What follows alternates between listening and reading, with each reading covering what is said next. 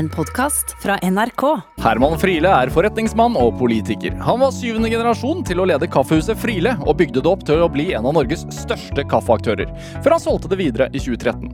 Friele var ordfører i hjembyen Bergen fra 2003 til 2007, og han sitter nå i bystyret for Høyre i samme by. Dette er Drivkraft med Vegard Larsen i NRK P2. Herman Friele, varmt velkommen til Drivkraft. Tusen takk. Veldig hyggelig å ha deg her. Takk, takk. Hvordan har du det? Jeg har det, har det veldig bra. Ja. Jeg er heldig. Eh, har det veldig bra. Trives, glad i livet. Glad for å være her, så tusen takk. Generelt? Altså, er det- en sånn generell innstilling du har? Jeg prøver på, ikke prøver, jeg er i utgangspunktet optimist og positivt innstilt, og så er jeg veldig heldig. Jeg har da helsen eh, på min side. Jeg har en skjønn familie, eh, gode venner. Så er jeg heldig jeg har en god økonomi. Solen skinner her i Oslo i dag. Jeg kan ikke ha det bedre. Nei, nei jeg er heldig. Så, jeg, jeg, jeg, eh, jeg trives og har det godt. Våkner om morgenen med innstilling til at eh, du er heldig, du, er mann. Ja. Er det viktig å si til seg selv? Jeg tror det. Jeg tror det er mange som våkner om morgenen og ikke kan bestemme seg. Noen har forferdelig dårlig utgangspunkt, og, og, og de har jeg all respekt for. Og så det, vi er så heldige, da, som, som, som om morgenen. Man bestemmer det, for skal du så man skal kjøre bil, skal du kjøre til høyre eller kjøre til venstre, skal du ha godt humør eller dårlig humør, skal du ha positiv eller skal du ha negativ. Eh, og det er en enkel sammensidd fyr som gjør at eh, det er enkelt for meg å være glad når jeg våkner om morgenen. Har en koselig kone som våkner ved siden av meg, som eh, også alltid i godt humør, og det hjelper godt på. Så ja, nei, jeg, jeg prøver å se positivt på livet, og, og egentlig har all grunn til å gjøre det. Ja, Når er du våkner? Ja, det er ti over fire, men så sovner jeg igjen. Eldre menn, eldre menn går på do ti over fire. Så sovner jeg igjen, og så våkner jeg eh, ti på syv. Ja. Da lager jeg stopp, og så lager jeg kaffe til min kone, og så henter jeg aviser. Og så sitter ligger jeg i sengen og leser aviser og, og prater og drikker en kopp kaffe, og så står jeg opp og fortsetter dagen. Ja. Ja, jeg jeg veit jo at jeg, jeg trenger ikke å spørre deg hva slags kaffe du, du brygger, men, men hvordan brygger du den? Jeg gjør det på en helt enkel måte som alle, nesten alle i Norge gjør. Det er filterkaffe. Jeg har en sånn eh, filtermaskin. altså filterkaffe. Jeg burde jo gjort det på en mye mer avansert elevert måte, men jeg gjør som folk flest. Eh, og det er å lage med eh, trakter med filter. Og det funker godt for meg. Kverner du, eller? Nei, jeg burde jo gjort det med den duften. Altså, altså Det er helt forferdelig. og Det er liksom kjent for kaffe. Man burde jo gjøre det så avansert. Men jeg gjør det sånn som de fleste i Norge gjør det, og det, det, det er greit. Ja. Hvor mange, kaffe, hvor mange kopper blir det på en dag? Jeg er ganske normal person, så jeg drikker sånn fem-seks kopper. Men når jeg jobbet med kaffe hele dagen, så gikk det, gikk det mange mer. Men jeg pleier å gi meg sånn ut på ettermiddagen med kaffe. Drikker mye fra morgenen, og så litt sånn fallende kurve. Og så eh, ja, fem-seks kopper, sikkert. Ja. Er du sånn som ikke får sove eh, hvis du drikker kaffe etter sex? I går aftes drakk jeg en eh, espresso macchiato og sovnet som en kule etterpå. Det rare er at du drikker espressokaffe, Ja. som folk tror jeg egentlig er kraftigere som vanligvis en kraftig kaffe, så får jeg sove godt. Drikker alminnelig sort, sort, sort kaffe om sånn tidtid om kvelden, så jeg strever litt med å sove. Men espressokaffe som en sånn shot, egentlig, det går som en kule. Hvordan er en hvordan er en helt vanlig dag i, i livet til Herman Friele? Så jeg har et rikt liv, slik at det har alltid variert. Det aldri vært en sånn ben frem-greie. Slik at eh, egentlig Ben frem-greie, hva er det? Ja, det mener jeg at, at sånn at det står opp og gjør en rutine hele dagen lang. Ja. Det har jeg ikke. Altså, eh, hver dag er litt grann forskjellig, eller meget forskjellig. Slik at eh, jeg har ingen sånn norm på det. I, i, nå for. Jeg har alltid reist mye, en god del. altså Enten i jobben eller privat. Eh, varierer hva som en god del å gjøre. Nå holder jeg på litt med politikk og, og forretning sammen. Samtidig så er det en luksus at jeg bestemmer min egen arbeidstid. Jeg hverdagsik kan godt ligge i sengen og dra meg, men det gjør jeg ikke. Jeg får ikke til. Eh, jeg liker å være aktivitet, jeg liker at det skjer noe. Sikkert, eh, Hverdagen er ingen eh, sånn eh, bein frem lange-greie, og det er jeg glad for, for jeg liker at ting er variabelt. og lever et liv som har vært det hele tiden. Mhm. Hvorfor er det viktig for deg, tenker du, at du må opp og utrette? Ja, altså, jeg, jeg, programmet heter jo Drivkraft. Ja. og, og min drivkraft er å, å, å gjøre noe. Eh, Ikke fordi jeg er så veldig mye bedre enn andre på det, egentlig, men jeg liker at ting skjer. Jeg liker ikke at folk bare prater og diskuterer. og Jeg liker at ting skjer. Jeg liker å sette ting, tanker i arbeid. Jeg liker å skape noe med noe. Jeg liker å skape arbeidsplasser. Jeg liker å skape et bedre samfunn. Jeg liker å jeg skaper et bedre liv for meg selv også. Jeg liker at det skjer noe. Jeg liker folk som da øh, grunn til å irritere seg eller ergre seg, eller et eller annet, og så skjer det ingenting. Mm. Så jeg prøver å få ting til å skje. Har du, øh, Men du har et kontor ja, ja, ja. som du kan gå til? Ja, ja. ja. Det, hvor langt unna der du bor er det? De midt i bunnen av Bergen, rundt Vågen i Bergen. De som er kjent i Bergen Bryggen, rundt Bryggen i Bergen. slik at Gå hjemmefra. Vi har en leilighet som ligger eh, på den ene siden av eh, Vågen, og så ligger kontoret på andre siden, slik at det tar kvarter å gå til jobben. Altså du rusler? Rusler, ja. ja. Så en hund som rusler med, slik at eh, Hva slags hund? Det er noe som heter eh, italiensk vannhund. Veldig skjønn hund, og veldig viljesterk. slik at den uh, og kraftig, slik at det er jo får slitasje i armen og bare betrukket til høyre og venstre. Men den er hun. hund. og det går mange ting. Jeg får frisk luft, jeg får mosjon, Hun har det greit, og, og, og, og ja. Så kjører ikke så mye. Men jeg liker å kjøre bil. Men altså, akkurat det der nå bor jeg nesten litt for nærme kontoret, slik at det blir for lite kjøring. Ja, har du fast rute? Ja. Og så tar jeg så mye på cruise. For det vil si at det finnes noe som heter Beffen i Bergen. Det er en liten båt som går rett over bukten der eller over bryggen der, og det tar fire minutter. Slik at det, hvis Dade kommer på jobben og sier 'jeg har vært på cruise, og da tar båten og det koster 20 kroner, og det, det tar fire minutter, og det, det, er helt herlig. Det er en sånn elektrisk ferge, og det er veldig koselig som fyr som kjører denne fergen. og sitter og ser opp på de store båtene som kommer inn. og ja, det, ja, det er herlig. Det er sjarmerende som bare det. Ja, Hva tenker du på da? Jeg tenker, nei, det, jeg snakker alltid med, med, han som Jeg snakker med folk snakker med folk så mye jeg kan. Sikkert, eh, snakker han liksom, Så diskuterer vi av store båter. Så her er det strøm i dag, har det, hvordan i været i dag, har det vært mange folk osv. Så videre, sånn. Det er nesten ingen folk. Nesten utrolig at eh, det går rundt. Det går rundt. folk går veldig seint på arbeidet? Folk Jeg oppfatter veldig forskjellig. altså Av og til så må jeg veldig tidlig oppe hvis jeg skal ut og fly tidlig. sånn sett, Det er mye folk som er oppe. Jeg tenkte, Folk er jaggu tidlig oppe. og så utover hele dagen. Jeg synes folk har veldig variabelt sånn når det er trykk. alt dette, Og, og litt væravhengig også. Ja. Så jeg setter folk er i bevegelse hele tiden. Hvorfor er det så viktig for deg å prate med andre? Nei, kanskje sosial. Da jeg var ung, var jeg veldig sjenert og pratet ikke så mye jo eldre blitt, eh, jo mer eh, har jeg selvtillit til å kunne ta opp en prat med hvem det måtte være. Jeg liker egentlig jeg liker å prate med folk. Jeg liker egentlig lærerne jo og syns det er koselig å få en prat. Og folk er utrolig åpne. og ja, En god prat, så har jeg lært noe og snakke noe. ja, Trives med det. Prater du, eller lytter du? Jeg er fra Bergen. det er mye prating. Mindre lite mye Nei da, jeg, liker, jeg, liker, balansen. Jeg liker det å, å selv prate, og det å stille spørsmål. Ikke minst stille spørsmål. Ja. Og få svar tilbake, og diskutere de svarene jeg får. Og jeg kanskje Ja, jeg liker at Kanskje jeg har alltid vært leder, slik at liksom leker, liker å ta liden, da, for å si det slik. slik at det, Ved starten av en prat så er det liksom, det begynner ikke av seg sjøl.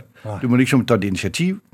Og når vi tar et initiativ og begynner å prate med folk, så kommer tingene i gang. Og så blir det alltid noe godt ut av det. Ikke alltid, men oftest. Det, jeg vil vel tro at tilfeldige bergensere som du møter på den ferja, eller når du rusler, og hvis Herman Friele begynner å prate med De syns det er litt stas, tror du ikke?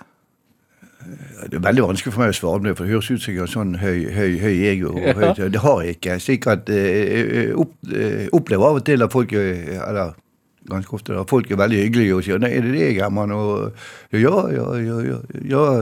Så blir det ofte så Det er en liten by i Bergen, der, liten og liten, men sikkert eh, gjenkjennelsesfaktoren, ikke minst også fordi reklamefilmene til Friele, og, og at det var ordfører i Bergen, da, mm. eller borgermester, som jeg likte å kalle det, det, det gjør liksom at gjenkjennelsesfaktoren er, er, er, er bra. Mm. Men jeg merker jo også det at eh, det mest på så å si, litt aldrende del av befolkningen. De unge i dag har jo selvfølgelig peiling. Ikke så jeg sett reklamefilmer, ikke husker de at jeg var ordfører. Så det er logisk sant? og det tenker man selv. Oi, oi. Nå er en helt ny generasjon vokst opp bak oss, og, det er, og de, har, de har helt annen tror jeg, si, galleri som de er kjent med. Ja. Hvorfor har det vært helt naturlig for deg å bosette deg der, i Bergen? Det har sin veldig naturlig årsak. Det, det at mine foreldre var bosatt der. Jeg har alltid bodd der og kommer aldri, alltid til å bo der. Eh, liker Bergen. Ja. Jeg liker Lynne, jeg liker, eh, liker vær. Jeg liker vær også. Men Forutsatt at jeg har sjanser for å reise mye. Eh, det vil si, eh, sommeren i Bergen i år har jo vært på trynet, for å si på godt norsk. Det har vært regn i to måneder, men jeg har vært så heldig at sted i, min kone er et sted i utlandet, i Frankrike, slik at vi har vært en god del der. da, Det, det hjelper veldig godt på når du kommer fra Bergen. Hvor i, hvor i Frankrike? Syd-Frankrike, i nærheten av Cannes. da. Det, og det, det som er mo- morsomt der, det er treffer det er stadig bergensere der. Treffer stadig nordmenn der. Og mye skandinaver. Det er rart med det. Ja, ja, ja, ja, de klinger seg der de skal. og det er gøy. Så det er utrolig ofte jeg hører da eh, norske, kanskje ofte også bergenske stemmer der. Så, så, så det, det er en fin ting. Men eh, ja, det å prate med folk er en god ting. og ja. Har du med deg egen kaffe, da? Eh, svaret er jo ja. Jeg tar med to-tre poser frillekaffe. og Den går tom jeg kjøper jeg fransk kaffe. Den er god, den òg. Ja. Eh, nå. Den var ikke god før. Så eh, ja ja, men det blir mye kaffe på det. Nei da, jeg liker kaffe. Jeg drikker mye kaffe. Det har vært mye snakk om eh, at eh, folk eh, som har eh, litt penger på konto, har flyttet til Sveits og sånn. Har du, har du det? Nei, Det er overhodet ikke, overhodet ikke tema. Eh, men altså, jeg har jo forståelsen, og jeg har respekt har jo, så forståelsen for at sånn som Røkke og noen andre sier at eh, nå har vi nådd sperregrensen på å bli flådd, eh, så sier det høres jo flåsete ut når du har veldig mye penger. Jo, men det er sant det.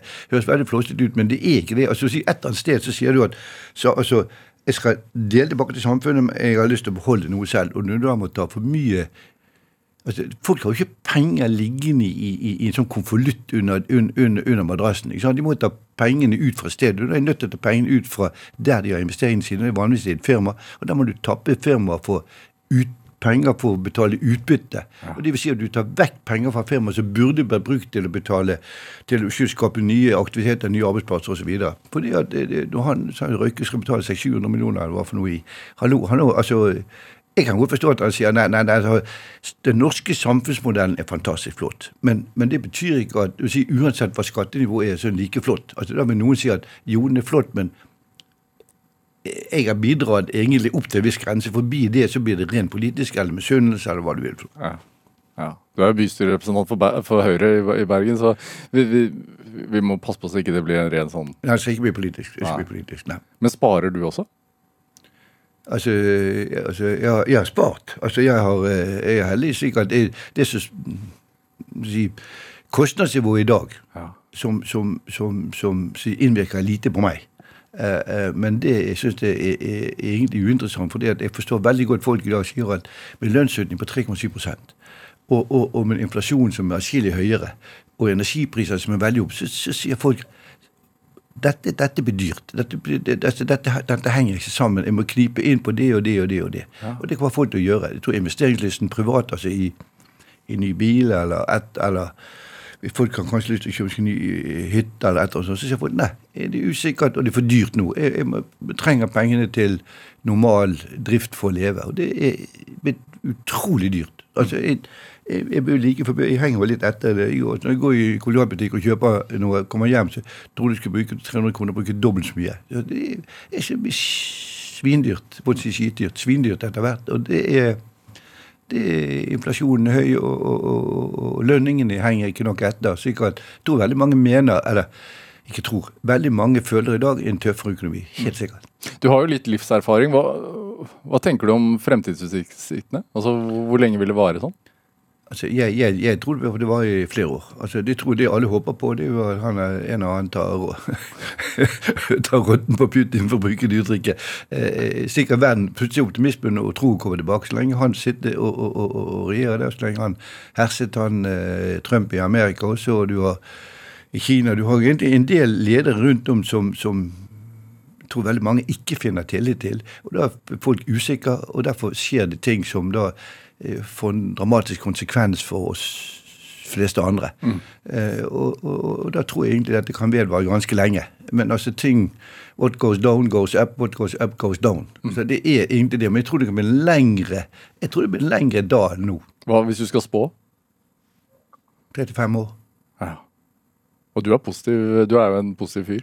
Ja, ja, men altså, det, det kan jeg håpe inderlig at jeg tar feil at det kommer hurtig, Men altså, hvis du ser på, på, på erfaringen over, over, lang tid, så er det sånn at det går i bølger slik. Men ingen akkurat sånn, sånn feberkurve. ikke sant? Altså, Ingen feberkurve er make. Du kan ikke ta liksom, I fjor var jeg også, hadde jeg 38,3 i feber. ikke sant? Nå får jeg 38,3. Kanskje får du 38,5, kanskje får du 37,7. Jeg vet ikke. Sånn, altså, Det varierer fra gang. Det er ingenting som kan kopieres i, i, i, i slike hendelser. Dette er Drivkraft med Vegard Larsen i NRK P2. Og i dag er forretningsmann og politiker Herman Friele her hos meg i Drivkraft på NRK P2. Du er, du er jo bystyrepolitiker. Hvorfor, hvorfor engasjerer du deg? Altså, jeg er mer, jeg er mer, tror jeg, mer samfunnsbevisst enn å, å, å, å, bevisst på at folk flest skal ha det best mulig. For det er særlig så heldig at det, si, det er lett for han å si, altså lett for meg å si. Eh, men jeg mener virkelig dypt inderlig. Jeg lyst, jeg er ikke så opptatt av den der eh, mer så taktiske politikken. Jeg er mer opptatt av at det går best mulig i samfunnet. Og så er jeg opptatt av, og det høres sånn også ut som nesten ingen tror på det, er jeg opptatt av at pengene, altså skattepengene som brukes fornuftig. Og det vil si at Jo mer fornuftig vi bruker skattepengene, jo mer kan vi ta oss av de som virkelig trenger hjelp. Og I, i et bybudsjett som, som, som privatøkonomi, som i samfunnsøkonomi, så kan ikke du ta pengene ut fra et hull i veggen. Det er mange som tror det. ikke sant? Jeg stikker inn et kredittkort, så får du penger ut. Men altså de pengene skal komme fra et sted. Sikkert, og Det tror jeg kanskje litt yngre generasjon i dag har opplevd egentlig litt for gode tider, slik at liksom penger har vi nok av. Og i Norge liksom Pga. Eh, olje og gass så har vi jo utrolig god økonomi i Norge. Der tror jeg bare at vi kan bare bruke pengene akkurat sånn som vi måtte ønske det. Jeg, jeg, jeg er ikke den oppfatning. Jeg, jeg, jeg mener det er tæring etter næring, og vi skal iallfall si, saldere det fint økonomisk god. Vi skal passe på at vi ikke bruker mer enn det vi har. Og det vil si at De pengene skal brukes på en fornuftig måte, slik at mest mulig får glede av de. Mm. Og Da er det mange som har det tøft og trangt og, og, og, og vanskelig, og da må vi ha si, overskudd eller, eller penger til å kunne hjelpe de som virkelig trenger det, og ikke bruke det på tull. Er det, er det en utfordring for politikere generelt å, å tenke langsiktig? Altså sånn ja, ja, garantert. Og det er mange er opptatt av eh, av du kan si det politiske spillet eh, mer enn liksom, samfunnsoppgaven eh, egentlig politikere har. Og jeg er redd for at folk etter hvert kan begynne å miste tillit til politikere, for de er opptatt av egne posisjoner. Eh, de kan være opptatt av, av, av liksom at et, et, parti er, liksom, er bedre enn et annet parti. De er opptatt av ideologi. altså Det er to måter å se, eh, se Du skal ikke ta politikk, men altså, det er to retninger. ikke sant? Enten er samfunnet som tar vare på det, eller, eller, du selv må ta vare på det selv. Mm under et ansvar. Jeg kanskje hører, ikke kanskje, jeg hører til den delen som mener om man har et personlig ansvar og tar vare på seg selv, også i, innenfor samfunnets eh, eh, rammer. Men jeg er litt, litt, redd for at en del politikere, at folk kommer til å si at er disse så kvalifisert som vi håper de skal være? Mm. Eh, Svaret får henge i luften. eh, det er iallfall bra at folk er engasjert. Det, det er veldig bra at mange unge er engasjert. Det er veldig mange unge som er kanskje ikke eh, eh, har nok livserfaring til å, å, uttale seg om veldig innfløkt og vanskelige forhold. Så jeg tenker at hvor har de det derfra, egentlig? Altså, Jeg har nå levet et par år lenger enn disse, de, jeg syns det er vanskelig. og Da forstår jeg ikke hvorfor mange skal synes det er så veldig lett. Så jeg tror noen syns ting kan være litt for enkelt. Jeg, jeg mener ting er sammensatt. Du, Det er, jeg liker best når ting henger sammen i, i en større større sammenheng, enkelt og greit, og, og ikke bare rendyrke liksom det, det eller det, men altså totaliteten er det som må henge sammen. Er det en fordel at man, hvis man har politikere som er gått opp i året? Som er opp i årene? Ja. Ja, men hva var definisjonen opp i årene? Var ikke de treige i knollen? det kan bli et problem. Ja. Men altså, det finnes jo også de på, på 25-30 år som, som, har jo eh, tror de skal redde verden og vet alt. Uh, jeg må jo si at de alltid er litt forbauset og er veldig, veldig glad for det mange unge som er engasjert, men av og til tenker jeg sånn at hallo i luken, ikke du eh, Hvordan vet du det der? Og jeg mener, de vet ikke, alle. Slik at de, de, de blir litt for lette på svarene og litt for høy og mørk, syns jeg. Så jeg tror jeg tror en god del erfaring er fornuftig. Mm. Enkelt og greit i hele livet. Du har jo vervet ditt neste år. Fram til neste år. Skal, skal, du gi deg da? Ja, det gir meg. Da, da jeg passerer en sånn eh, grense som gjør at eh, hvis ikke jeg sender seg til å gi meg, så er det noen som forteller det.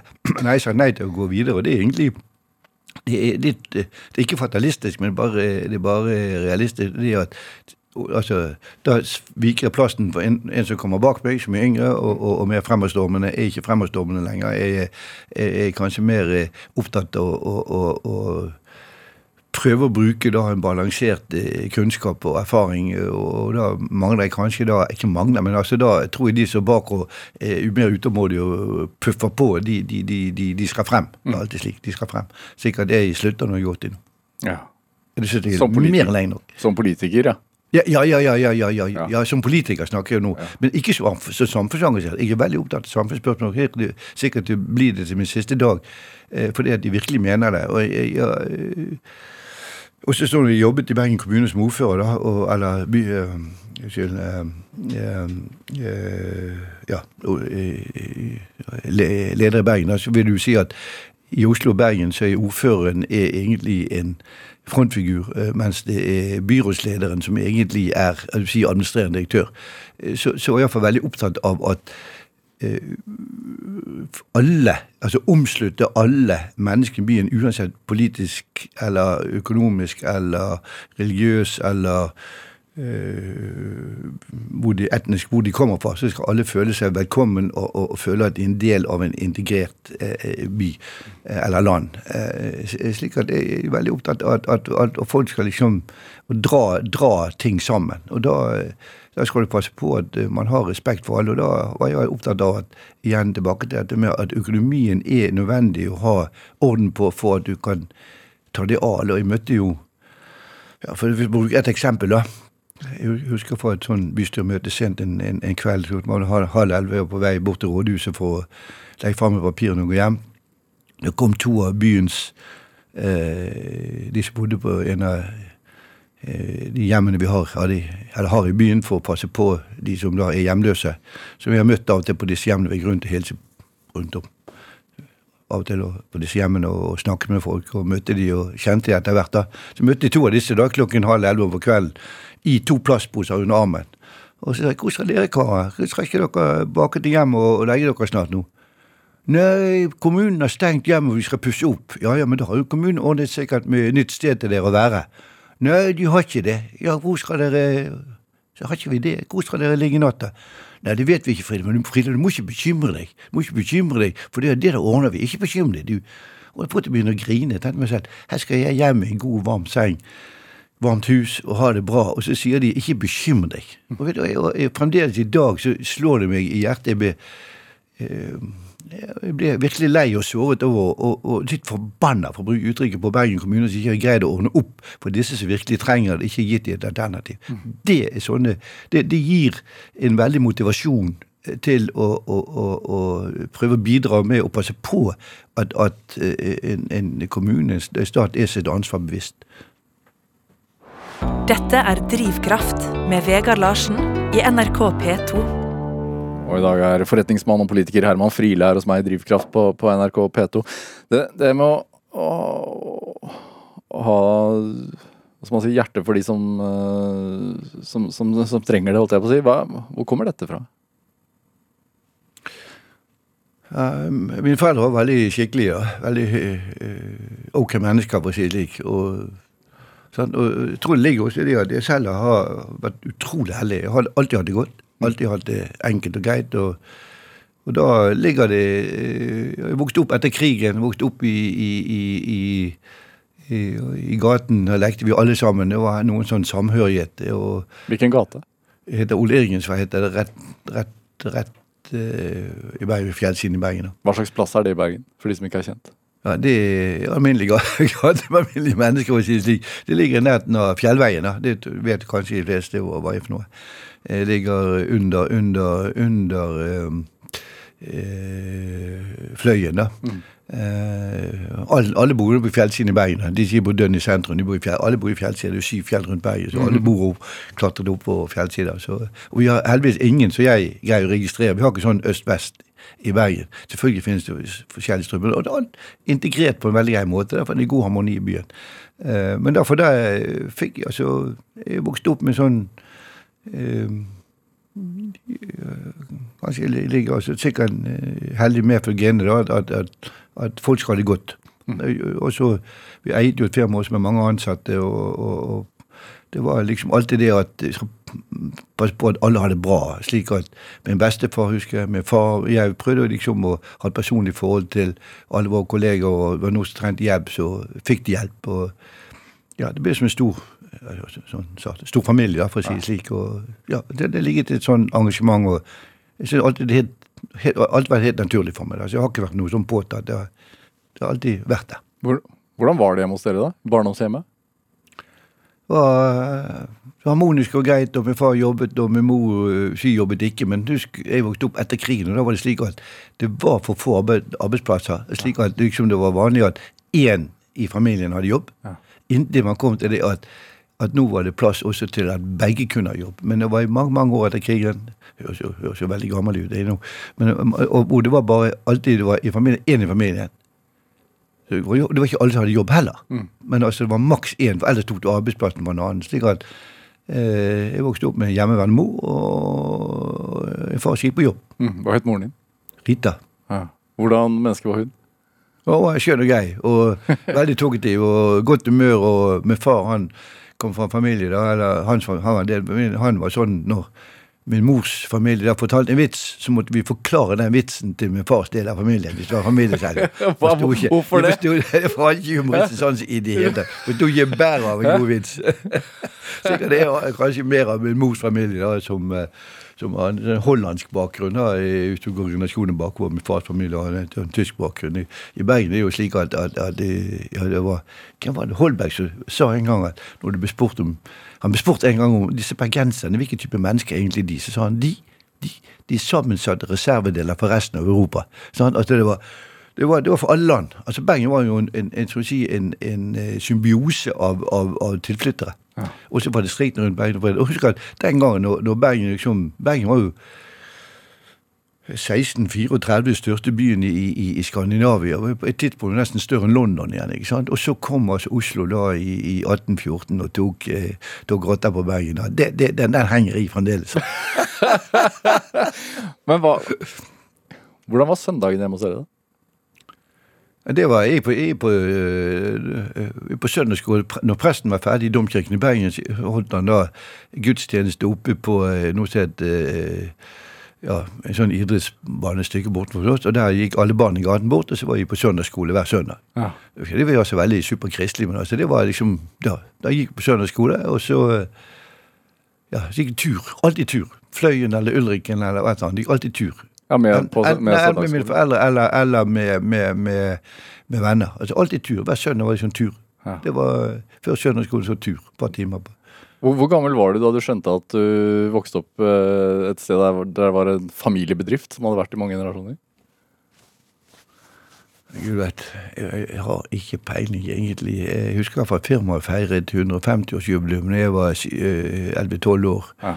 Og da yndet jeg det, for da da var det jo alle ansatte, alle i firmaet da hadde full ja, med familie og venner. Altså var det store greier. ikke sant? Og da var det sigarer og konjakk og sånt. Jeg tok jeg, husker jeg tok sigarkassen gikk rundt, og så solgte da de sigarene skulle være gratis. da, Jeg husker jeg fikk 24 kroner jeg var liten snottegutt. Skulle egentlig, sant? Det var jo sjofelt å gjøre det. Du tok det, til fars sigarer? Ja. ja, nei, jeg gikk rundt, og så solgte de til, til, til, til, til uh, de kollegaene til min far der, som burde egentlig ha det gratis. Så det var litt sjovt. Da unte jeg at her, her jeg tror jeg skal slå inn på denne banen. Eh, Kremmer? Kremmer. Ja. Eh, det var jo ikke, det var ikke en god start, da, men det var jo det har gått bedre siden, da. Ble du opplært å bli kremmer? Nei, nei, nei. nei, nei, nei, nei.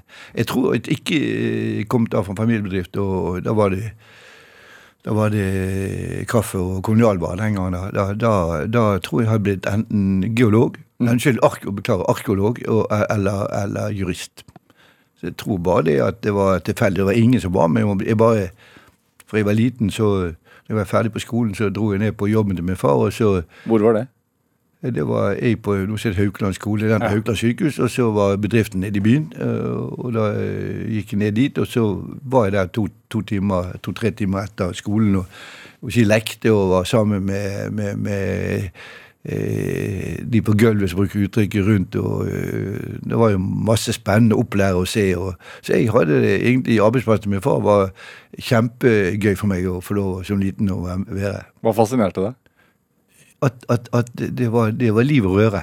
Det skjedde noe hele tiden. Det var varer inn og ut, og kaffe ble brent, og det luktet kaffe eller duftet, sier nå jeg, og, og, og lærte og så hvordan de I dag det er jo helautomatiserte greier, men den gangen var det hånd, virkelig dyktig fagfolk som sto og passet på, og da skulle temperaturen på kaffen ikke overstige mer enn 215 gram, og det skulle ikke brenne mer enn så og så mange minutter, og det, skulle sånn, og det var sekunder det sto om, og de sto og målte, og, altså, akkurat som steker en biff i dag. Ja. Du skal ikke ha for mye varme eller for lite varme, du skal ikke steke for mye, du skal ikke steke for lite, akkurat skal være riktig. Sånn, sånn, sånn var det også. Hvor svære var de lokalene?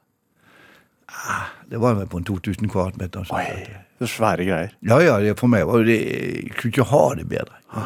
Var som kom inn i sånn, Bortsett fra at det var kaffe ikke sjokolade, da, men det er litt sånn Willy, Godtebutikk. butikk. ja, eller litt sånn Willy Wonka-fabrikken. Ja, ja, ja, det var jo det. Men det, var så gøy at jeg senere så kjøpte jo når jeg ble litt eldre, da, da kjøpte jeg sjokoladefabrikk også. Så det, det, det minne sjokoladefabrikk. Og det var gøy. For det, da, da, da, da hadde jeg jo lært med, med, med kaffe, vi skal teste kaffe. ikke sant? Det smakte jo med smak å gjøre. ikke sant? Jeg utviklet da tok lang prosess å lære. Jeg liker da å jobbe med, med smak og sammensetning, hvordan ting skal funke, og, og ting skal ha en konsistens. og sånn. Det er at da tok jeg selv ansvaret for å, å være kvalitetskontrollør. Så, så klokken ti hver formiddag, klokken tre hver ettermiddag. Og da var den sjokoladefabrikken i nærheten av kaffefabrikken til Friele. Sikkert var 150 meter for meg å gå, eller 200 meter å gå. Så jeg gikk bort, og så gjorde, tok jeg helt inn stikkprøver, kontroll og, og smakte på sjokolade. Du tenkte når du begynner å bli sulten sånn tretiden om ettermiddagen, og smake på sjokolade og teste kvalitet, så var det jo blanding av veldig, veldig lyst og måte. Ja, det er sånn. Du hadde lyst på sjokolade til kaffen, Ja, ja, ja, og kjøpte en fabrikk. Jeg hørte noen rykter om at du hadde lyst på Saab en gang, og kjøpte en, et bilverksted også. Eller Jo, jo, Jeg kjøpte agentur en gang. Jeg ble så forbanna på han som, som drev det, og han prøvde å lure meg på noen greier. Og så endte det for meg For- Helt galt. Men altså, det var fordi jeg var veldig bilinteressert. ja. Så helt riktig. ja. Og da, Det var gøy, det. ja, da kjøpte du hele utsalgsstedet, eller hele agenturet? Ja. Ja. Så hvor mange Forferdelig useriøs, ut, men det er jo sant. Ja. Det er veldig morsomt. Det er. Um, Herman Friele, vi skal spille litt musikk. Uh, du har med The Girl from Ipenima. Hvorfor det? Jo, for det at eh, altså Brasil er jo det landet i verden som produserer mest kaffe. Og til Norge importerer vi omtrent halvparten av all kaffe til Norge fra Brasil. Så jeg var i Brasil tror jeg har vært 40 ganger i Brasil. Og det kunne vært mitt annet nasjonale land. Når var første gang? Jeg, var 3-24 år gammel når jeg bodde et halvt år for å lære om kaffe. Og det var et skjønne mennesker, et skjønt land. Rio er den fineste byen i verden før eller etter Bergen. Jeg kan ikke bestemme meg. Eh, Så, så det, det, det ligger mye sånn vibber i det. Hva lærte du om verden da? Jeg lærte at det var mange land, ikke, minst latin, latinske land, som kan ha det ganske økonomisk, sosialt og forferdelig, men de var i kjempehumør, de var, de var glad og, og Så det var ikke bare liksom, I Norge må vi liksom Hvis ikke du har høy levestandard i alt, så har ikke du det bra. Der nede greide seg med mye enklere levestandard, og de var, de var Jeg kunne smilte. Det det høres så enkelt ut, altså, men det var et, et, herlig land. Herlige mennesker. Vi vibbene Vi er godt med å være der. Skal vi høre? Ja.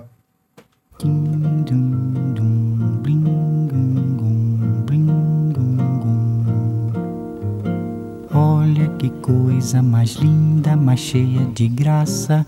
Ela, menina que vem e que passa num doce balanço, caminho do mar.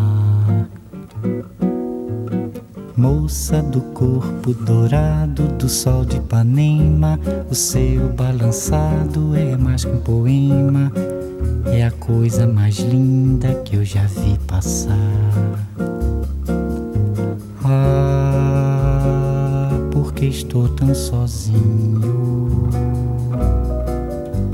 Ah, porque tudo é tão triste?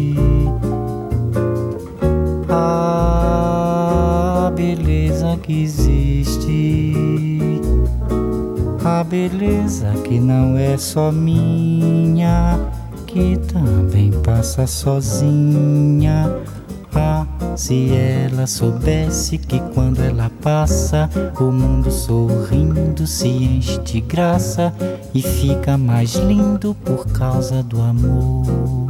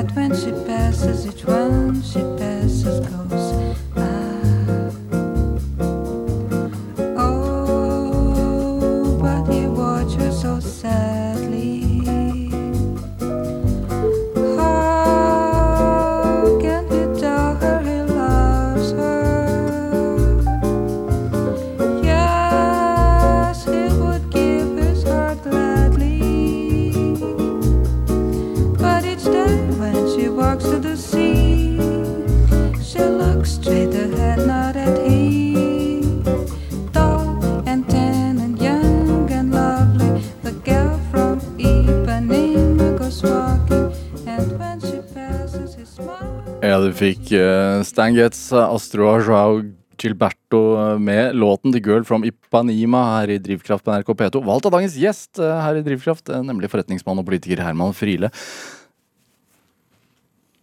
Sulten på livet? Ja. Er du det? Ja. Har du alltid vært det? ja. Jeg håper alltid kommer til å bli det. I de årene jeg måtte ha igjen. Hva, hva, men men du, du var sjenert som barn, vet jeg. Jeg var veldig sjenert som barn. Jeg var eh, Hvordan, altså, hvor, sjenert? Hvordan Jo, ja, jeg husker iallfall min mor hadde klubb hjemme da. Så liksom, Her må noen inn og hilse på klubben dine mine. Sant? Og da gikk jeg aldri forlengs inn. Jeg rygget inn, og så sto jeg og bukket da, mm, med ryggen til, og så løp jeg ut igjen. så jeg likte det. Og, og jeg, større forsamling, jeg likte ikke til ordet. Jeg, ja, jeg var liksom akkurat som munnen knytt seg sammen. da. Skolen? Ikke god på skolen. Absolutt ikke god på skolen. Jeg hadde, hadde veldig sterke briller. Altså veldig dårlig syn.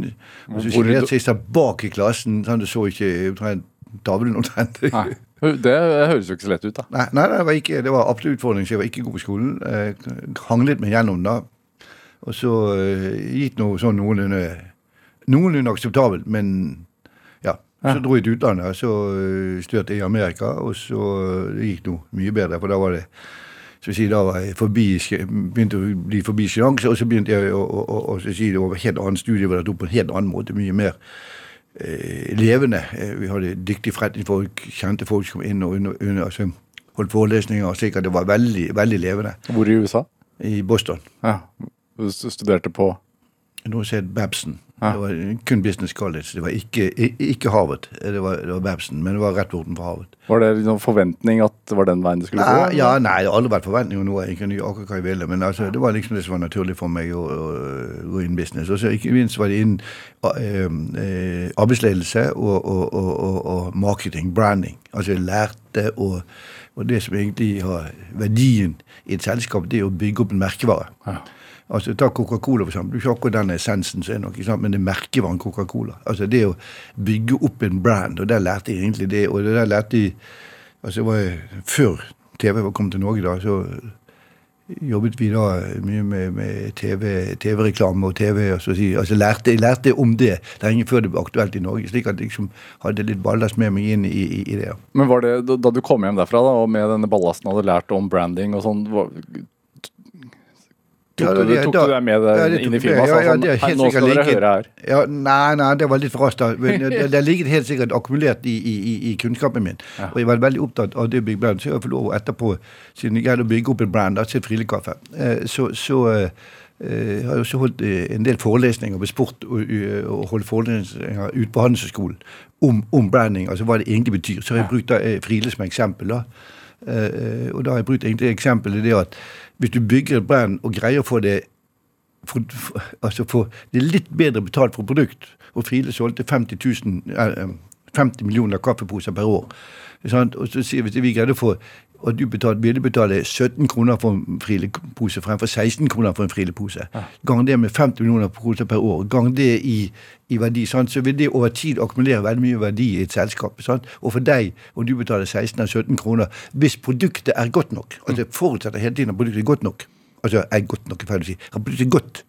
Sånn. Og nå, nå, nå, nå, så vi egentlig før vi gikk inn her i studio at det var Frile kaffe som var her på NRK. Sånn. Altså, Friele har fått et navn, et navn, og du vet når du drikker Frile kaffe, så får du en god kopp. Du skal ikke drive reklame for Frile, men altså, det, har med, det har med alle produkter å gjøre.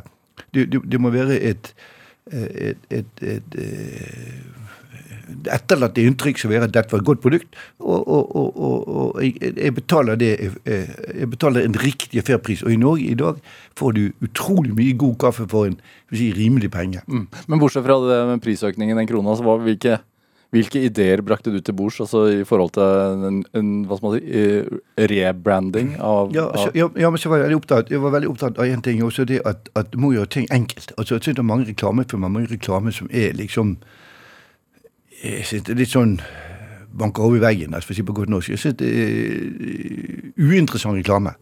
Men, men, altså, når det gjelder kaffe, da, så er det liksom de aller fleste drikker kaffe. De aller fleste har lyst til å vite mer om hva kaffen kommer fra, hvordan man lager kaffe. Eh, hva er egentlig kaffe?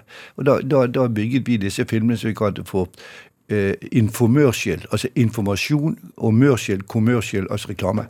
Og det var informativt om hvordan kaffen dyrkes, hvordan du kjøper inn kaffe, hvordan du setter sammen kaffe. Og det fikk veldig stor interesse. Jeg syns selv det var veldig interessant å se de reklamefilmene vi selv laget. Ja. Eh, og, og da, da, liksom Da syntes jeg det hadde høyere verdi enn for å si det slik altså, Uten å bruke navnet, men altså bleier og sånn. og En, en, en toårs baby, to, to måneders baby unnskyld, sier et eller annet 'Jeg bruker bam, bam, bam, jeg, mamma'. Sånn? Altså, alle vet at en, en, unge på to måneder ikke kan snakke. Ikke sant? Og Da syns jeg det er litt sånn fordummende. Og så er det litt fordummende når, når, når, når liksom står en annen dame på TV med, med, som bruker en eller annen hårspray, og så ser du bare håret sirkle rundt, mm. sånn, sånn, og så faller den ned, og så bruker en eller annen hårspray med C8QX i. ikke sant? Altså, Hva er det for noe? ikke sant? Men var, var det helt naturlig at du tok over? Ja, altså, jeg var Jeg kommer gammel sånn der, eh, typisk var det liksom det eldste sønnen til over hvis han har lyst og han passer. Ja. Altså Presumptivt var jeg kikket, det fikk min far avgjøre. Han eiet et firma for meg. Ja. Så jeg, jeg da eh, overtok presumptivt eh, Jeg tror han var litt skeptisk, meget skeptisk, men eh, inni hjernen så sitter han ok. Hvorfor var han skeptisk? Ah, altså, ikke var jeg så veldig skoleflink, og ikke eh, jeg, jeg, altså, ja, Du er ofte skeptisk til dine egne barn. Altså, sant? han liksom kom Herman altså, han kom han til å være flink nok til å lede dette greiene. Og, og, det var hans vurdering, og, men han slapp meg til. Da. Utrolig. Han var ikke mer enn par fem, fem, 60 år gammel da han ga seg. Jeg var bare 35 år. Hvorfor slapp meg til, må gudene vite. Jeg, jeg, jeg ville vært Jeg syntes han var jeg han hadde lov å være skeptisk, men han Jone slapp meg til. Mm. Eh, jeg overtok da, Og så tror han den sønnen ble lei å drive firma selv. Han, var ikke, han, var ikke, han hadde ikke den interessen egentlig for reklame og, og, og, og, mennesker. Han var mer opptatt av finansiell økonomi den greien, og han var ikke så opptatt av utadvendte. Vi skulle drive firma da, som var utadvendt. Så jeg, jeg bygget egentlig firmaet opp også at jeg fikk anledning å bli veldig godt kjent med å si, også forretningsmessig og personlig gode venner med de største aktørene i, i Norge. Altså de, de største dagligvarekjedene i Norge. Slik at jeg fikk liksom da eh, anledning å, å, å og, og kom veldig nært de store aktørene som bygget seg opp. Stein Erik Hagen med, med, med, med Rimi og, og Dreitner med Rema. Og, og, de bygget opp. De var fantastisk dyktige og flinke. Mm. Jeg var med hele det løpet med de oppover. Ja, Du skjønte at det var veien å gå? Ja, ja jeg skjønte det var veien. Ikke bare det, men altså for meg var det å si altså Vi fikk en god kjemi sammen, og det tror jeg hjulpet veldig mye at, at, at vi, vi, samarbeidet mm. eh, og, og hadde bruk for hverandre. Hvordan var utviklingen til firmaet de årene du var sjef? Ja, Verdien på firmaet gikk altså Fra jeg overtok, da, for da fikk vi verdsettelse på det til solgte det to Verdien gikk opp 25 ganger, så, så, så det var bra. Markedsandelen gikk opp fra 12-36 eh, og volumet gikk opp, og så fikk vi bedre betalt for varen. Eh, og så var det kjempegøy. Var det en motivasjonsfaktor det at, at faren din var litt usikker? Altså, jeg, jeg fant, I og med at jeg hadde gode venner som var veldig flinke på skolen også, de leverte. eh, sant? Jeg, måtte levere gjennom å vise at jeg kunne sette ting i handling. Så jeg følte liksom et veldig press på meg selv. da. Det var ingen som presset meg, men på meg selv til å måtte levere. For å bevise, eller, ikke bevise, vise for meg selv at jeg hadde kompetanse og dugde. Eh, Det har noe med selvrespekt å gjøre. Når jeg fødte, så, jeg, så kom selvsikkerheten underveis. Da, når jeg følte jeg greide å levere varen. Og det var mest overfor meg selv. Og ikke minst alle de medarbeiderne som var villige å, å, å tro på meg og satse sammen med meg, og, og, og, og at vi var et team som dro. Slik at jeg, jeg, var, jeg, var ikke, jeg var ikke sjef, jeg var leder. Jeg fikk og det dyktige folk med meg, slik at vi, vi trakk og gjorde jobben sammen. Takket være også en gjeng med veldig gode, eh, veldig gode medarbeidere. Hva er forskjell på en sjef og en leder? En sjef det er en som lett eh, bosser, for å bruke uttrykket. En sjefer. En leder er en som får, som får ting til å skje eh, sammen med, gjennom og sammen med andre.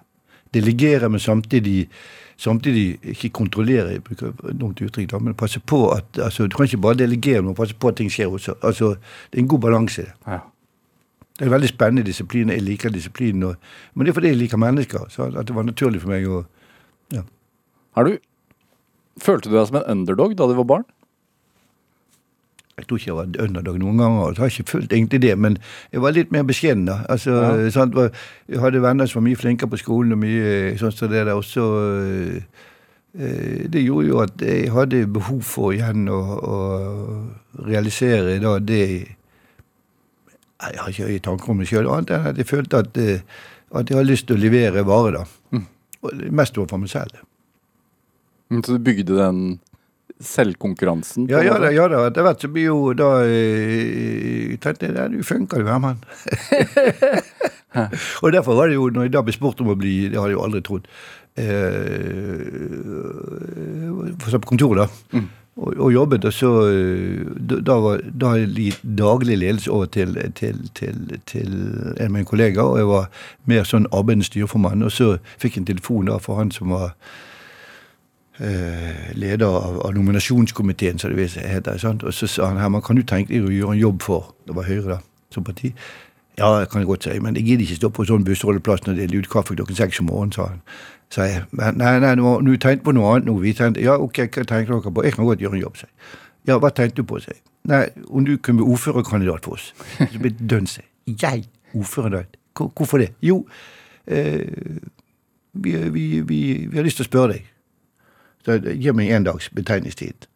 Så var, jobbet min datter på, på, på, i firmaet, da, da, så gikk jeg inn til henne og sa du, må du høre, vet du hva? Eh, jeg ble spurt om det, hva syns du? Go for it, sa hun. Så gikk jeg hjem til min kone, daværende kone, da. Eh, og så sa jeg, du, eh, vet du hva, jeg ble spurt sånn og sånn. Så nå må du tenke deg, hun var fornuftig, da, så sa, nå må du tenke deg nøye om. Mener du kompetent til det? Nei, jeg vet ikke, men har du lyst til det? Ja, jeg har ikke lyst til det, sa. Ja, jeg vil nå tenke nøye om, sånn. Ja, ja, så jeg tenkte, jeg tenkte nøye om, så neste dag så svarte jeg at ok, jeg skal gjøre det. Hvorfor hadde du lyst? Det var en kjempeutfordring. Og så var det akkurat det som sier det, Da følte jeg at jeg kunne ta For jeg mener at når du blir spurt om å kunne gjøre en slik innsats, og da sier nei, så fratar du deg selv også retten til å Og de der politikerne leverer ikke varene, jeg får ikke ting gjort, osv. Du fratar deg retten til å være kritisk. Altså når du har fått muligheten til, å kunne bidra. Da, da tenkte jeg den har vi ikke falle i den bøtten der. Eh, at, at, at, at ikke får bidra. Altså, eller kritisere osv. uten å bidra. For det er lett å, og sånn, Alle har jo, ikke minst i disse lag, så er jo alt galt. ikke sant? Så, så jeg har lyst til å, å, å fikk sjanse. Du, Så, og så alltid være politisk interessert. Alltid være politisk og samfunnsinteressert. ja. du eh, studerte jo business tidlig. Du sa, det, du sa jo at det, det var helt naturlig for deg å gå den veien, og du solgte jo fars sigarer eh, under bordet, holdt jeg på å si, som elleveåring. Men hvordan er du som businessmann? Altså, hva, hva er dine styrker når du gjør deals? Nei, jeg, jeg, jeg, tror jeg greier å se altså, jeg, jeg tror jeg greier altså, altså, se løsningen først, og så jobbe meg opp mot å få løsningen gjennomført. Uh, og så ikke av den der du skal skvise en sitron, er den oppfattet at hvis ikke alle parter egentlig kommer eh, godt ut av det, så er det en, så ikke en god forretning. Altså, alle parter skal komme levelig ut av det. altså Om du kjøper eller selger etter noe, så skal alle gå levelig ut av noe, og så ikke for optim, eh, ikke for maksimalisering av ting, er for optimalisering. Det vil si, altså ikke opptatt av maksimalisering av et økonomisk resultat, men optimalisering, nemlig at ting henger sammen. Altså at ting blir gjort på en skikkelig måte, henger sammen, og, og det, er ingen, det står ingen si, brukes forstittig uttrykk, ingen lik igjen på veien. Altså, da, da, da melder jeg pass og går vekk. Hvorfor er det, hvorfor er det så viktig? At, det ikke, at, at begge skal komme godt ut av det? Ja, ellers er det ikke Ellers synes det ikke det Altså, da er hvert jeg har ikke den moralen. Altså, jeg liker ikke, jeg liker ikke at noen skal stå lidende igjen for du skal ha det bra selv.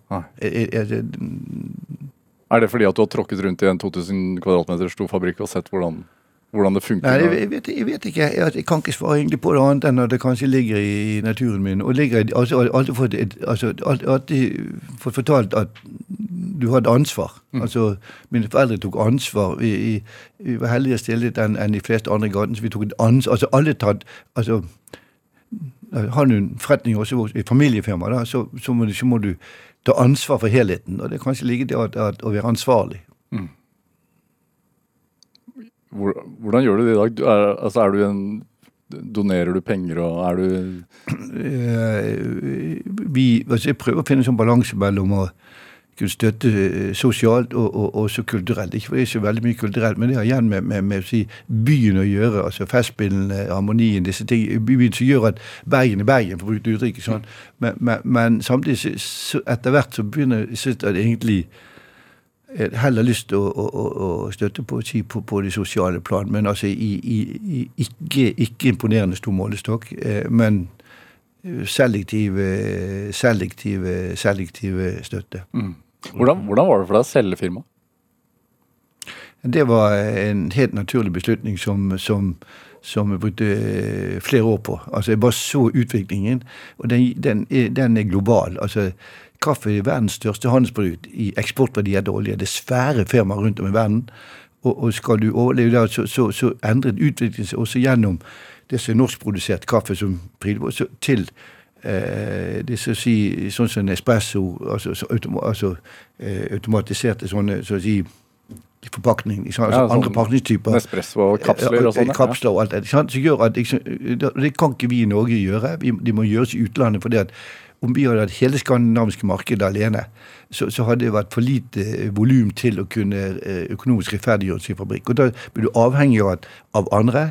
Og vi har en medaksjonær som, som over de siste 25-30 årene, som eiet en del av firmaet, som jeg solgte til for mange år siden for å passe på at vi fikk de beste betingelsene på innkjøp overalt. Altså sjanse å overleve. Hvis ikke du hele tiden sikrer deg de beste betingelsene. Og da, da så jeg at denne utviklingen går bare i enda større eh, kraftig retning. Skal du ivareta verdien til firmaet, arbeidsplassene, du, men- men- men- mens du er i støtet, så skal du alltid du skal alltid forhandle når du er i støtet. Hvis du, hvis du på vei, altså hvis du begynner å rygge, så er du dårlig forhandler. Du skal være i, i fremdrift. Det er da du forhandler best. Og så eh, tok vi et familieråd. Min datter hadde ikke lyst til å overta firmaet. Eh, min bror, eh, som eide en del av firmaet, var ikke interessert i det hele tatt. Og jeg ble eldre. Eh, det var færre og større aktører i Norge, slik at vi ble veldig avhengig av de aktørene, de konkurrentene i Norge, de, eller skyld, kollegaene i Norge, de som også var kunder, de var også konkurrenter. Slik at det var en spennende balanse mellom at du solgte til dine egne konkurrenter, og det er kun kaffe. Jeg vet ikke om det er noen andre produkter som gjør det. Slik at, og, og, og så var jeg så heldig at jeg selv mente at mye Ikke på grunn av den kjennskap og vennskap, og ikke vennskap i en betydning at du fikk en altså, Men du, liksom, det gjorde at vi, vi, vi trakk lasset sammen. Det gjorde at jeg følte at eh, jeg ville ikke overlate ansvaret til andre som da eh, kanskje gikk inn i en ny tid, og så ikke kanskje lykkes med det. Da, da, da, da blir du da mister du troen på det selv. Eh, og, og da kunne det gå utover verdier og arbeidsplasser. Og, og, og, så da solgte jeg med, med det forutsetning at arbeidsplassen skulle være i Bergen, bedriften skulle være i Bergen eller i Norge. da. Og, og, og, og, det, nå er det enda flere ansatte i den bedriften nå enn det var når jeg solgte. Så jeg, jeg, jeg er bare happy og fornøyd og føler stafettpinnen videre. Men jeg savner jo det å å gå rundt og, og eie Friele. Men altså, det var ja, det er sant, det. Jeg, var, jeg er veldig stolt av Friele. Altså, Jeg har nesten glemt at jeg har solgt det. Altså, fordi at jeg solgt. Og jeg ser så ser jeg posen, og så jobber jeg med som jeg eier det fremdeles. Ja. Men, men eh, jeg er veldig stolt av det som var med å bygge opp der, og, og, og stolt av bedriften. Så, eh, og jeg tror riktig beslutning. Så jeg har aldri angret et sekund. Men av det jeg har sagt til min kone hun tror du gjorde det riktig. Jeg sier hun, Herman, du gjorde det riktig. Jeg sier ok, flott. Herman Friele, når er du lykkeligst? Det er 24 timer døgnet. De, de, de, de, de timene jeg kanskje sover, det har jeg ikke peiling på. De andre timene når jeg er våken, så syns jeg livet er herlig. jeg. Rett og slett, Jeg kan ikke si noe jeg liker. Jo, en ting når ting skjer. Ja.